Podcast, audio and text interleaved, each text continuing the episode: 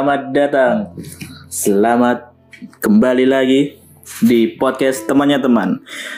Podcast yang spesial menghadirkan orang-orang yang kurang terkenal maupun orang yang mungkin beberapa tahun lagi saya doakan terkenal. Tentu saja podcast ini turut mengantarkannya sebagai orang yang terkenal. Dan pada kesempatan kali ini kita uh, akan menghadirkan dua bintang tamu sekaligus. Dan kalau teman-teman uh, pernah mendengarkan episode sebelumnya yang tentang apa seseorang yang kuliah di Jogja kerja di Jogja padahal kampungnya di Padang nah kita kembali menghadirkan orang itu. Tapi tentu saja karena ada tiga orang ada satu lagi jadi dia merupakan temannya saya dan temannya pembicara yang satu itu. Dia uh, juga sekolah uh, studi di Fakultas Psikologi, jurusan Psikologi, dan bekerja di bidang psikologi tentu saja, bukan di bidang filsafat. dan saya akan membawakan topik. Jadi kalau uh, ngomong tentang dua orang ini, topik yang beririsan adalah topik tentang pekerjaan di Fakultas Psikologi Universitas. Tut, tut, ya. Jadi silakan dikepo LinkedIn-nya mereka. Tutut itu maksudnya di mana? Atau bisa tanyakan langsung lewat DM atau mencari Facebook atau yang lainnya. Tapi pasti teman-teman satu angkatan tahu mereka ini bekerja di mana. langsung saja saya hadirkan Dola Adriana dan Happy Virgina. Halo gitu lah. Kayak hey. Oke, jadi uh, silakan uh, mungkin Happy dulu ya yang baru pertama kali muncul di episode kali ini bisa hmm. mengenalkan diri aja. Kamu sekarang kerja apa, terus di mana, terus aktivitasmu sekarang apa? Satu menit. Aku kenal mas lama sekali ya. Halo, nama aku Happy Virgina. Terus Padir Malam, nggak aja Happy. Hmm, sekarang aku masih di Fakultas Psikologi uh, lebih tepatnya kalau kemarin di JIJP sekarang aku di uh, prodi MAPSI Magister Psikologi. Itu sekarang sebantuin Mbak Arum dan teman-teman pendik di MAPSI untuk mengurusi berbagai macam hal. Gitu. terus aktivitas lain kayak biasa sih belajar terus bantu-bantu kerjaan rumah. Ya kayak gitu full time anak ya Hmm. Itu sih kayaknya masih asik belajar sama kerja gitu. Kalau tinggal di kos apa dari Magelang? Oh iya sekarang kalau dulu aku kos tapi mulai sekarang aku mau di rumah aja. Di rumah aja di Magelang. Mm -mm, di Magelang. Kamu pindah dari Karawang ke Magelang bulan apa? Bulan akhir November.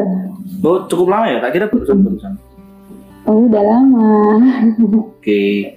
Berarti cukup lama ya kamu di Fakultas Psikologi ya? Dua tahun. ya Allah. Eh, tadi kamu nyebutin universitasnya nggak sih? Eh nyebutin nggak ya? ya gak apa-apa berarti akhirnya akhirnya para pendengar usah nyari-nyari kalau misalnya udah disebutin.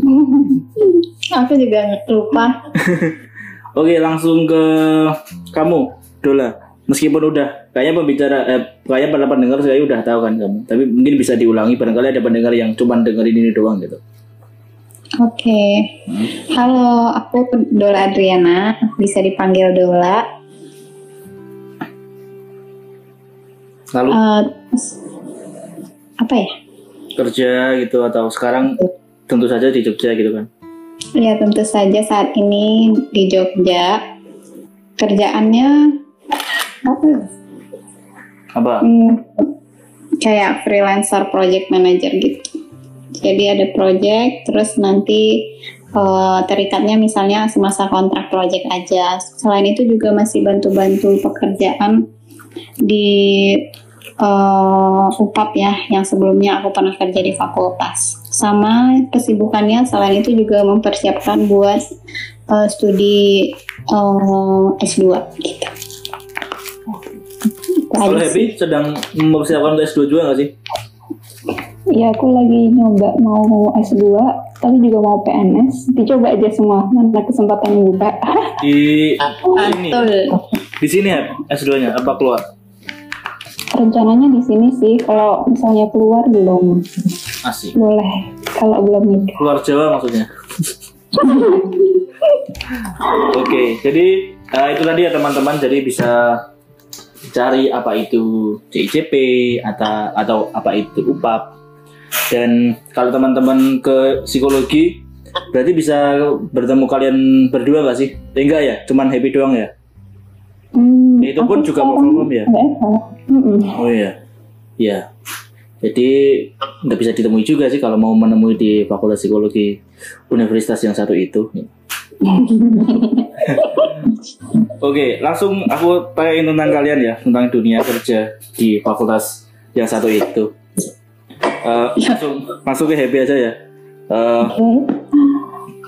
Oke. ada nggak sih eh, sesuatu yang eh, apa yang bisa kamu share gitu? Tapi bukan yang di sekarang, yang sebelumnya. Yang sebelumnya. apakah kan kamu gini ya?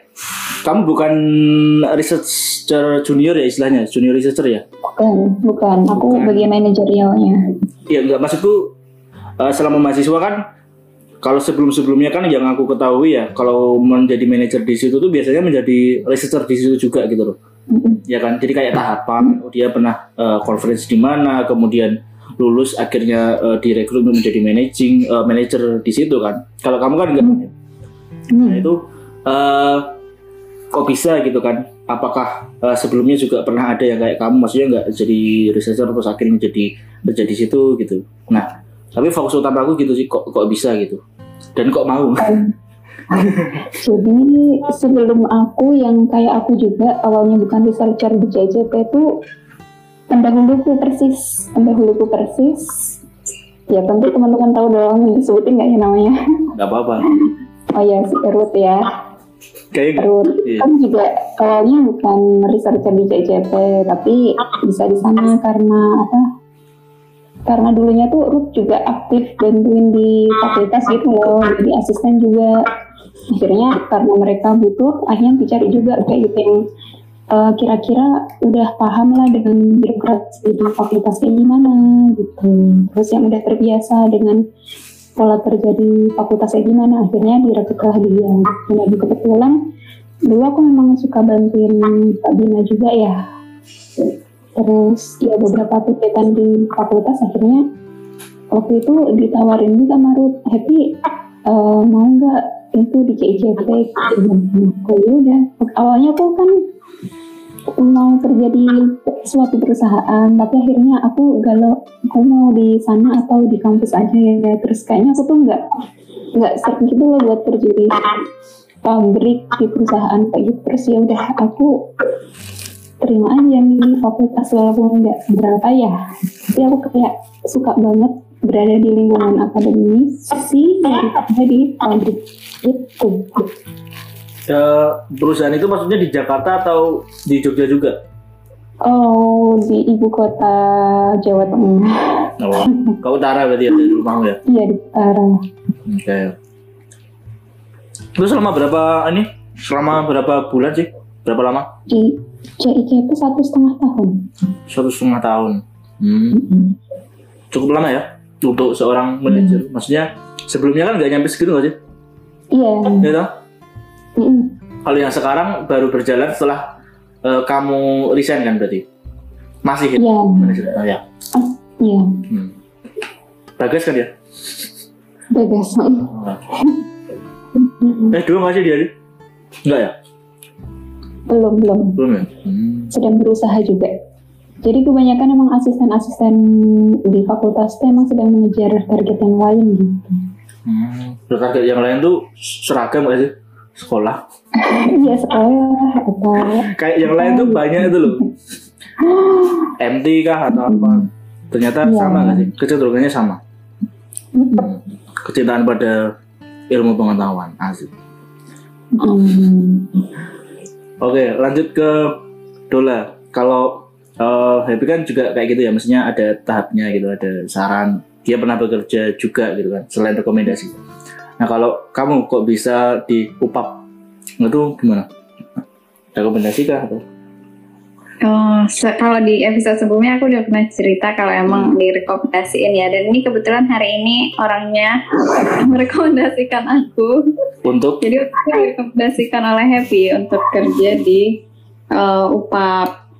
Kalau nggak salah memang saat itu mereka sedang mencari asisten, terus nggak tahu gimana ceritanya, mungkin bisa ditanya ke Happy aja kriterianya kayak gimana. Terus ditawarkan aku. Nah pas saat menawarkan itu memang posisinya aku di rumah saat itu tidak boleh ke Jogja kalau misalnya nggak punya kesibukan. Akhirnya memang kayak semesta mendukung aja gitu. itu Happy bertanya, pas saat itu aku ingin pergi, ya udah, terus aku langsung yes gitu. Itu tahun 2018 atau 2019, Hah? 19? iya. Hmm. Jadi happy duluan ya happy ya, udah mulai. Iya. Oh jadi kalau di 2018 kamu ini nggak ya apa? Biro kan ya? Di biro kan ya? Ya, Oh, dulu terus aku masih magang di biro. Terus pas udah selesai aku kan pulang gitu. Di situ pas masa jeda-jeda kayak gitu, ya pas ada tawaran terus ya udah kenapa enggak? Karena memang saat itu emang masih semangat belajar juga jadinya tidak menolak. Oke, nah aku juga ini tertarik. Kenapa ya kamu menyarankan Dola ya? Ketika banyak temanmu yang sebenarnya nganggur juga kan? Enggak, waktu itu aku udah di CJP terus sekitar Februari atau Maret itu tuh Mbak Uma, kebetulan kan kakak angkatan senior kita di psikomedia kan yang saya Mbak terus, Matahali ya? Mm-mm, terus nanyain, Hep ada rekomendasi temen nggak yang kira-kira bisa bantuin di UPA kriterianya kayak gini kayak gini terus kepikiran siapa ya kayaknya dulu ada yang cocok ya udah deh aku Kamu nggak mau nggak? aku, Boy? Kamu nggak kepikiran aku, Boy? Berarti kamu nggak cocok? Karena aku dari Jakarta, kan? iya Hmm. Kan soalnya kamu udah di Mizan, di Mizan ya Hmm. kayaknya lebih sibuk di situ terus ya udah kayaknya Dola ada yang cocok di sini kayaknya dan Dola kayaknya lagi pengen belajar juga ya udah deh oke bet aja sih Dola Nah, kalau nggak aku kalau aku nggak salah ingat ya di episode sebelumnya itu kan Dola bilang ada eh, orang yang direkomendasikan, maksudnya nggak satu nama doang, nggak satu Dola doang. Iya nggak sih? Iya betul. Iya kan? Jadi sebelum itu udah ada yang lain. Nah berarti eh, maksudnya gini ya, eh, pilihan Dola menjadi staff di UPAP itu di kamu atau keputusan akhirnya gitu loh? Kan ada banyak nama, iya nggak sih? oh itu keputusannya ya di Mbak di Mbak Uma dan tim UPAP bukan di aku Kamu ya, berarti ya nyaranin ada satu nama gitu kan? Mm-mm. Ya tapi kamu satu nama doang apa lebih dari satu? Nggak cuma Dola doang atau Dola Kalau- doang? aku nyaranin Dola doang deh Dola doang. Oh berarti yang saran selain Dola adalah orang lain berarti ya? Mungkin. Mbak Uma tanya siapa, dapat siapa gitu kan? Dari internal sana, jadi kan mereka memang juga punya kayak oh, tendiknya kan, tenaga pendidiknya itu udah ada waktu itu kenal asisten lain juga, terus udah menawarkan, tapi ternyata memang tidak cocok, terus ya udah pas happy menawarkan ke aku, terus ya udah cocok. Oke, keren keren. Nah, aku boleh, ini mungkin boleh nggak kamu jawab, Heb. Tapi kalau kamu jawab ya, syukur-syukur nambah durasi lah. Kenapa kamu resign, Heb? resign pertamanya tuh aku pengen lanjut jadi kayak Lanjut ada apa? sebuah pahaman di JJP Oh, Gitu. lanjut karena kan ya. pas pandemi banget terus kayak susah gitu loh buat cari penggantinya buat transfer learningnya buat pas apa ya pas sibuk-sibuknya unit itu gitu. Nah itu tapi karena kebetulan direkturnya baru terus kayak masih adaptasi juga sama birokrasi di kampus masih dia sedang beradaptasi dengan banyak hal jadi mungkin kayak kurang peka atau kurang gimana. Tapi ya udah nggak apa-apa deh. Udah aku coba aja cari pengganti kalau udah ada yang mau ya udah Nggak- ada yang mau ya? Ya udah lanjut lagi. Terus alhamdulillah awalnya tuh udah cari beberapa orang pada nggak mau pada nolak nolakin. Kan terus eh ketemu Bagas. Alhamdulillah Bagasnya mau. Dan ternyata dia juga apa ya kayak pemikirannya kayak anak-anak asisten yang lain sambil sambil berjalan gitu sambil belajar juga. Itu deh. Resign Juli nggak sih? 2020. Iya, Juli 2020 pas hot-hotnya corona ya.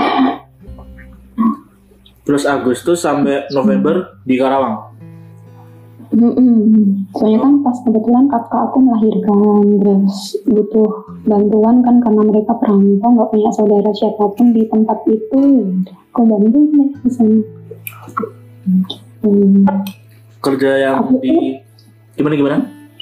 Aku tuh sebenarnya tuh disuruh kerja di Karawang aja, cari kerja di sana, tapi kayaknya aku tuh nggak cocok sama dunia Industri. Banyak truk tronton nggak sih? Apa? Truk tronton. Aku lebih suka Dan jalannya tuh bukan jalan aspal tuh, jalan semen gitu loh. Kebanyakan kebanyakan. Jalannya tuh gak di aspal gitu gak sih? Jalan hmm, kayak di semen. aspal sih. Nggak, maksudnya warnanya kan abu-abu tuh kebanyakan Hmm, gitu. Hmm. Terus banyak beton gitu ya. Iya betul. Dekat KRL gak sih di Karawangnya? Apa enggak? Enggak, dekat kawasan Pantai. industri internasional KIIC. Dekat San Diego Hills. Hmm. Jauh dari pantai loh ya? Jauh, kan di Karawang Barat. Kalau pantainya kan di Karawang Timur. Karawang Utara nggak ada ya? Kan malah lebih dekat, malah lebih dekat loh. Hmm, Jakarta Utara lebih dekat pantai loh. Iya. Terus balik di mana? Di Oke. Jogja di UGM itu November toh. Sebenarnya Februari sih. Oh, Tapi pas bulan-bulan Oktober November itu emang masih bantuin juga di diminta bantuin juga di Mapsi gitu. itu atas rekomendasi kamu apply atau Pak Bina. sebelumnya juga Pak Bina? Eh bukan ding, routing ya. Bukan, iya. Sekarang Pak Bina. Kembali lagi ke Pak Bina. Iya kembali lagi ke Pak Bina. Oke. Ini si suasana hening nih. Tadi kan eh, eh, apa namanya alasannya bisanya habis kan udah sekarang Dola kan udah gak diupap. Itu kan berarti resign kan. Mm-mm. Nah itu kenapa? Kayaknya beberapa ini udah dijelasin juga sih. Cuman nggak apa-apa. Bisa sedikit. Kenapa memutuskan Hmm. freelance? Jadi sebenarnya 2000 jadi emang aku waktu itu niatnya setahun setahun aja karena kerja di UPAP dan emang ngerasa waktu kerja itu lingkungannya tuh eh, apa ya membuat eh, aku tuh keasikan bekerja gitu karena ketemu lingkungan yang emang eh, pas gitu loh dan juga pas eh, perkembangan aku juga cukup pesat di situ. Hmm. Tapi eh, karena waktu itu memang ada tujuan untuk lanjut pendidikan dan kalau misalnya saat itu aku bekerja di UPAP itu banyak banget proyeknya dan aku nggak bisa fokus gitu ke diri sendiri jadinya aku tuh memutuskan untuk resign karena itu sih karena memang eh, tahun 2020 itu waktu itu memang targetnya aku mau persiapan buat sekolah. Tapi ya negara api menyerang. Terus ya gitu deh. Ya gitu deh. makanya sampai sa- Eh, jadinya hmm, sebenarnya waktu itu eh, bukan keputusan yang buru-buru ya karena memang targetnya saat itu memang jadi asisten hanya satu tahun. Tapi ternyata karena eh, apa namanya um, kebutuhan juga dari sananya makanya sampai sampai sekarang pun masih masih tetap ada pekerjaan gitu dari upapnya. Eh, kalau resign ya memang karena alasan pendidikan aja sih, bukan karena bukan karena eh, karena karena yang lain gitu. Eh, ya itu aja sih. Oke. Dia karena emang udah pas satu tahun udahlah gitu kan. Hmm, hmm, karena ada target lain yang mau dicapai saat itu. Jadinya ya oke. Hmm, Oke. Nah, baik. Eh, kedua pembicara kita ini ternyata memang tidak bisa jauh-jauh dari apa yang sudah dilaluinya. Empat tahun kuliah, kemudian bekerjanya juga di situ saja. Nah, tentu ini akan menjadi menarik ketika misalkan eh, apa namanya ada pembicara lain yang misalkan bukan di eh, UGM ya, maksudnya bisa menjadi pembanding lah. Tapi dia mis- misalkan psikologi UII terus dia gabung di CICP-nya UII misalkan kalau ada gitu ya. Tapi kan aku nggak bisa mencari siapakah orang itu. Cuman gini kalian pernah ini gak sih eh, melihat pekerja fakultas yang uh, dia mahasiswa di situ lulus terus kerja di situ tapi bukan psikologi? Itu tuh menurut kalian hmm, kalau si Arif itu kan kayak gitu ya maksudnya uh, temanku Arif KKN itu kan uh, ilmu komputer terus kemudian di lab data scientist atau lab data kayak divisi pol tapi. Nah untuk meriset tentang data-data di kayak di Twitter dan lain-lain. Nah kalau kalian tuh uh, ketika mengetahui kayak gitu tuh pingin juga nggak sih kerja di bidang yang bukan psikologi tapi masih UGM gitu loh. Jadi kan kalian psikologi UGM S1 kan. Cuman uh, pekerjaannya masih di lingkup itu uh, tapi bukan di fakultas psikologi. Contoh misalkan pukat atau pusat studi Asia Pasifik atau Pancasila itu kan. Atau malah di fakultas lain seperti Arif KKN itu tadi. Arif KKN gitu. Mungkin bisa dari Dola dulu. Barangkali pernah riset suatu pekerjaan suatu tempat yang mirip mirip gitu Hmm, nggak ada sih. Kalau aku sebenarnya bukan fokus ke fakultas psikologinya, tapi uh, memang lingkungan atau tempat kerja itu mendukung dengan yang saat itu ingin aku capai dalam perkembangan karirnya atau enggak. Uh, kalau misalnya sebenarnya kalau misalnya ada kayak pusat pusat studi apa gitu ya, kalau misalnya saya itu aku lagi mempelajari itu ya aku pasti akan dengan senang hati buat kerja di sana gitu. Jadi nggak target hmm. sebenarnya harus di fakultas psikologi gitu yang penting memang uh, masih di dunia pendidikan mungkin ya karena memang uh, saat itu itu ataupun kalau misalnya tidak di dunia pendidikan memang di dunia yang memang uh, misalnya berbau penelitian kalau kayak memang uh, fokusnya ke sana gitu. Oke. Tapi pernah nyari-nyari gitu. belum sih Tahu tapi nggak tertarik gitu ya. Tahu ada pusat studi apa gitu. Oh pernah cuman kayak terbersit selintas tapi ya nggak nggak nyari gitu kayaknya pengen deh uh, apa namanya nyoba di sana biar tahu mereka lagi ada proyek apa aja sih gitu kali aja bisa belajar tapi ya uh, enggak enggak enggak sampai kejadian buat mencari tahu gitu cuma terbersit aja Oke. Kalau kamu Hep? Kalau aku tertarik ya, dan kebetulan kemarin baru aja ikut seleksi gitu. Cuma belum tahu hasilnya gimana. Di? Atau kalau nggak boleh di sana nggak apa-apa gitu. Eh, di suat di suatu tip gitu. Tapi di sini juga, maksudnya di UGM juga. Ya UGM juga. Bukan psikologi kita maksudku. Bukan bukan di luar psikologi. Mari kita tunggu di podcast selanjutnya. Oke, sebagai Tapi, ya, gimana Hep? tapi ya nggak tahu ya. Ya semoga apa pun keputusannya selalu membahagiakan. Asik. amin Nah, sebagai pertanyaan terakhir eh, dari Happy ya, eh, silakan menjawab. Suka dukanya Happy. Kamu kan sejak lulus, maksudnya lulus berusaha untuk, eh, maksudnya melamar juga kan ke lain tempat, ke Jakarta juga gitu loh, iya kan?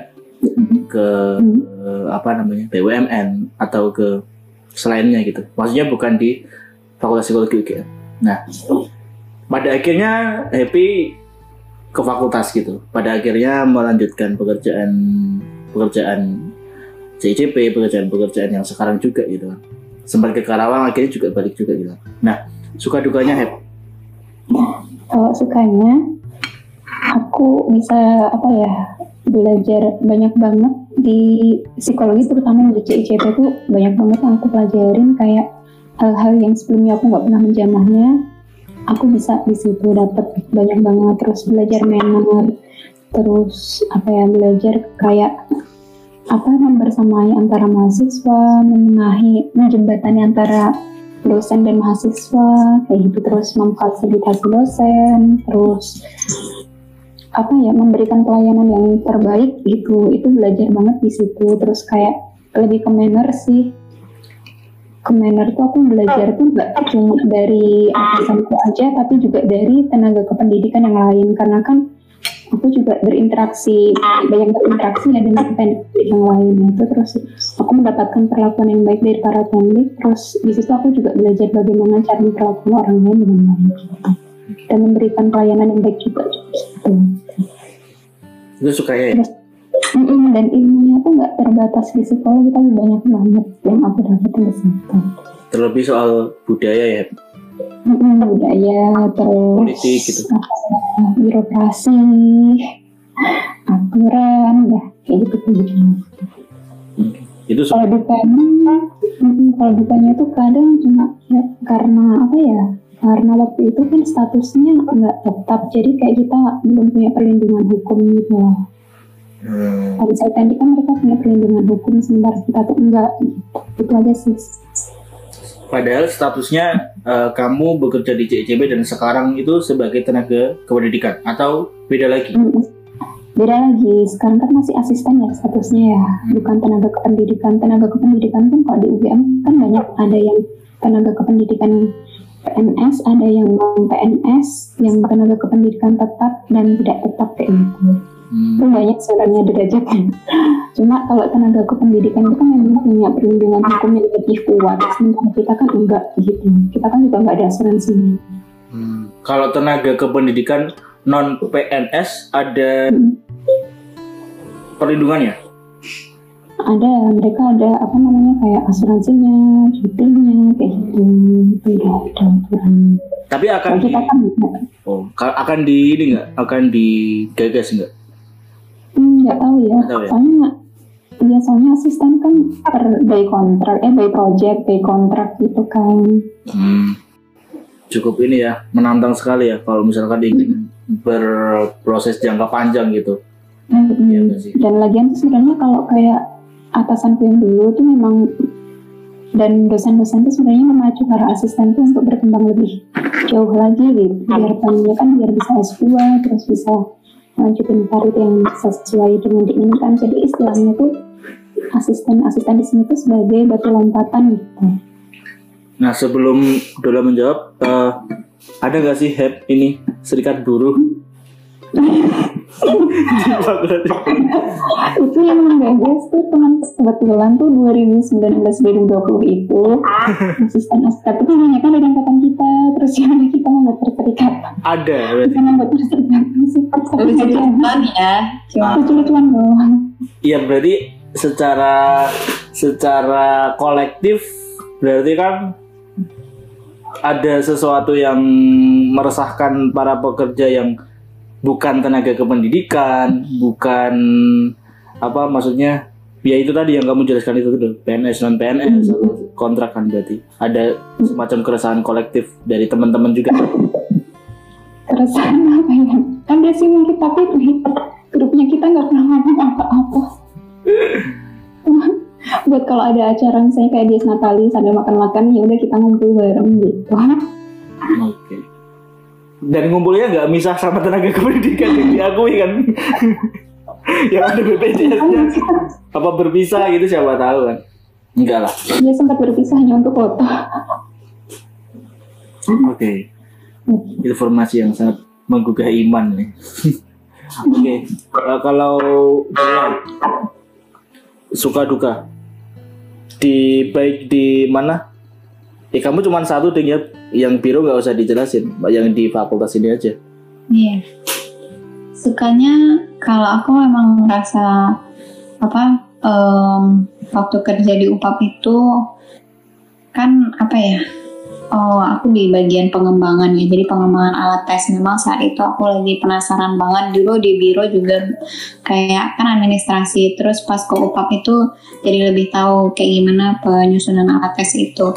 Nah, eh, sebenarnya kalau dipikir-pikir kerjanya itu bisa kayak eh, orang yang di startup gitu karena nggak cuman administrasi tapi juga berkaitan dengan konten jadi aku ngerasa banyak skill yang itu tuh eh, jauh berkembang pesat saat aku belajar eh, kerja di sana di UPAP Eh, terus mau sukanya lagi ya hmm, apa ya Eh, kalau nya eh, di startup gitu kan kita belajar mandiri ya. Kalau di eh, kampus itu kita tuh kolaborasi. Mungkin ada juga di tempat lain tuh kayak eh, pasti ada kolaborasi cuman kayak eh, lebih dituntut untuk kita mm, banyak belajar mandiri. Tapi kalau kemarin saat aku di kampus itu eh, eh, banyaknya itu kolaborasi. Karena memang Hmm, etiknya itu yang kita kerjasama sama dosen gitu yang mana tuh suka ngajar gitu. jadi hmm, kita akan dapat ilmu cuma-cuma yang kalau misalnya itu di luar itu tuh mahal banget gitu bayarnya. Sedangkan kalau misalnya kita kerja sama dosen itu kita bisa diajarin gitu dengan uh, kita ya asisten di sana gitu um, itu sih uh, suka sukanya. Eh sukanya yang lain juga kayak ya budaya yang kayak dijelasin happy tadi ya. Memang sangat karena itu institusi pendidikan sangat santun sekali. Uh, terus juga mannernya itu hmm, baik gitu ya. Kayak kita harus sangat menjaga sikap dan segala macam. Dan aku itu merasa uh, nyaman dengan hal kayak gitu. Mungkin beda di suasana industri gitu kalau misalnya saat kita di suasana non formalnya uh, ada hal-hal yang bisa uh, ke arah misalnya kalau aku pernah ngerasain ya tapi nggak ngerasain banget juga sih. Kayak mungkin ada kemungkinan yang aku tonton juga gitu.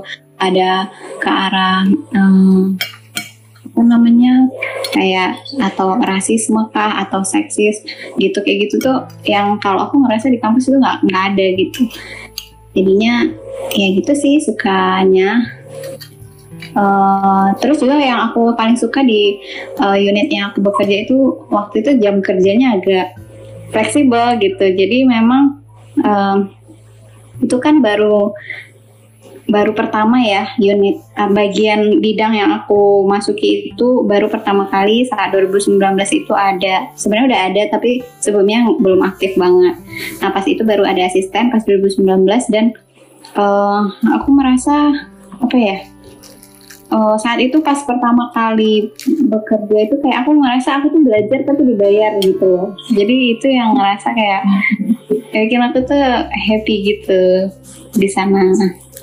Asik. Kalau dukanya ya itu sih mungkin lebih dari segi uh, ya pem, apa namanya ya sama kayak happy tadi ya. Cari aman. ya dong. Soalnya sama ini juga kayak nggak ada uh, jenjang karirnya pastinya karena kalau misalnya kita kan dari status asisten ada sih kemungkinan untuk misalnya diangkat uh, jadi pegawai tetap gitu. Cuman itu akan sangat tergantung dari uh, apa namanya pimpinan ataupun uh, ya pimpinan yang saat itu gitu kewenangan kebijakan dan itu tuh juga setelah mungkin uh, apa namanya um, berapa tahun masa jabatan dan itu sangat berbeda gitu di masing-masing orang. Jadi nggak ada itu belum ada ketentuan mungkin aku juga nggak tahu. Gitu. Oke. Okay. Gak ada yang lain? Dukanya. Dukanya. Barangkali itu pengen kaosan apa? kamu nggak bisa gitu duka apa? Pengen kerja kaosan gitu loh pakai kaos. Oh Enggak. Oh, oh, oh, aku aku awalnya pernah kerja pakai kaosan santai gitu kan. lalu sakit santainya iya beneran santai banget. Pernah nggak pakai jeans apa gitu. Terus pernah diingatkan, tapi kayak kaget kan mbak-mbaknya gitu waktu aku ke kampus dulu kamu santai banget terus kayak dibilang uh, emang nggak boleh ya mbak gitu kan. Terus nggak apa-apa sih sebenarnya. Cuman kalau misalnya diingatin aja kalau misalnya pas saat nanti ada rapat gitu harus inilah uh, formal gitu. Soalnya kan kalau aku uh, nggak yang uh, di banyak di administrasi banget. Sebenarnya fifty ya administrasi iya. Terus juga uh, yang non administrasi yang kayak konten gitu juga iya. Makanya kadang ngerasa agak santai gitu uh, dari segi uh, berpakaian dan juga uh, waktu kerjanya itu juga agak fleksibel karena bisa aja aku kerja sampai tengah malam gitu loh. Tapi misalnya di kampus tuh pagi uh, cuma sebentar gitu. Sedangkan uh, malam-malam aku kerja di kos gitu atau nggak pernah juga di kampus sampai malam gitu. Karena emang tergantung proyek yang saat itu juga dan akhirnya itu agak ke bawah gitu. Cuman ya itu sih. Kalau aku tuh ngerasa um, ya di tempatnya lah gitu. Kalau memang saat itu memang harus tiba-tiba harus ada uh, sesuatu yang formal ya harus siap-siap untuk switch diri gitu. Kalau misalnya enggak ya apa-apa. Kamu santai gitu. Karena kan aku di gudang gitu ya. Di gudang alat-alat tes jadi nggak ada juga yang lihat. Bukan di gedung A kan ya juga bukan di gedung D. Kalau Happy kan di gedung D kan? Bahkan sekarang di gedung D juga ya? Nah. Cuman- kecuali kasusnya kalau berhadapan sama klien. Misalnya kan yang kerja di ini loh yang di PAPS gitu misalnya menghadapi calon-calon peserta tes. Nah itu harus rapi tuh. Kalau aku kan enggak. Aku kan berkutat dengan buku-buku dengan hmm, komputer. iya dengan komputer. Jadi itu enggak terlalu menjadi masalah gitu. Oke, baiklah. Sudah eh, ini apa namanya? Sudah cukup masuklah kayak kira-kira. Semoga teman-teman di sini yang tertarik bekerja di JJP atau bekerja di UPAP bisa memikirkan ulang. ya enggak sih, ini cuma gambaran doang teman-teman. Jadi silahkan eh, dicatat kalau misalkan ingin kalian catat atau kalian liput misalkan kalian adalah seorang wartawan yang sangat membela hak pekerja gitu. Dan tentu saja saya berterima kasih kepada Happy dan Doda yang sudah menyempatkan di episode kali ini. Kita sangat-sangat mengapresiasi karena baru pertama kalinya kalau saya cari-cari di podcast tidak pernah ada orang yang membahas tentang dunia pekerjaan di fakultas. Ya gak sih? Podcast-podcast kan biasanya membahas tentang saham, tentang pengelolaan keuangan, tentang karir. Ini karir sih. Ya maksudnya lebih detail tentang pekerjaan yang bukan startup, bukan BUMN, dan bukan juga PNS. Bukan begitu teman-teman? Bukan PNS kan ya? bukan Karena karena gak ada tesnya. Nggak, nggak ada ini loh, perpeloncoannya juga kan. Oke, mari kita akhiri. Terima kasih buat para pendengar sudah mendengarkan sekian menit. Kita 30 menit lebih berbincang-bincang tentang dunia pekerjaan. Tentu saja pekerjaan yang lebih detail lagi di bidang psychology, research dan psychological testing. See you dan jangan lupa follow podcast teman-teman di Spotify.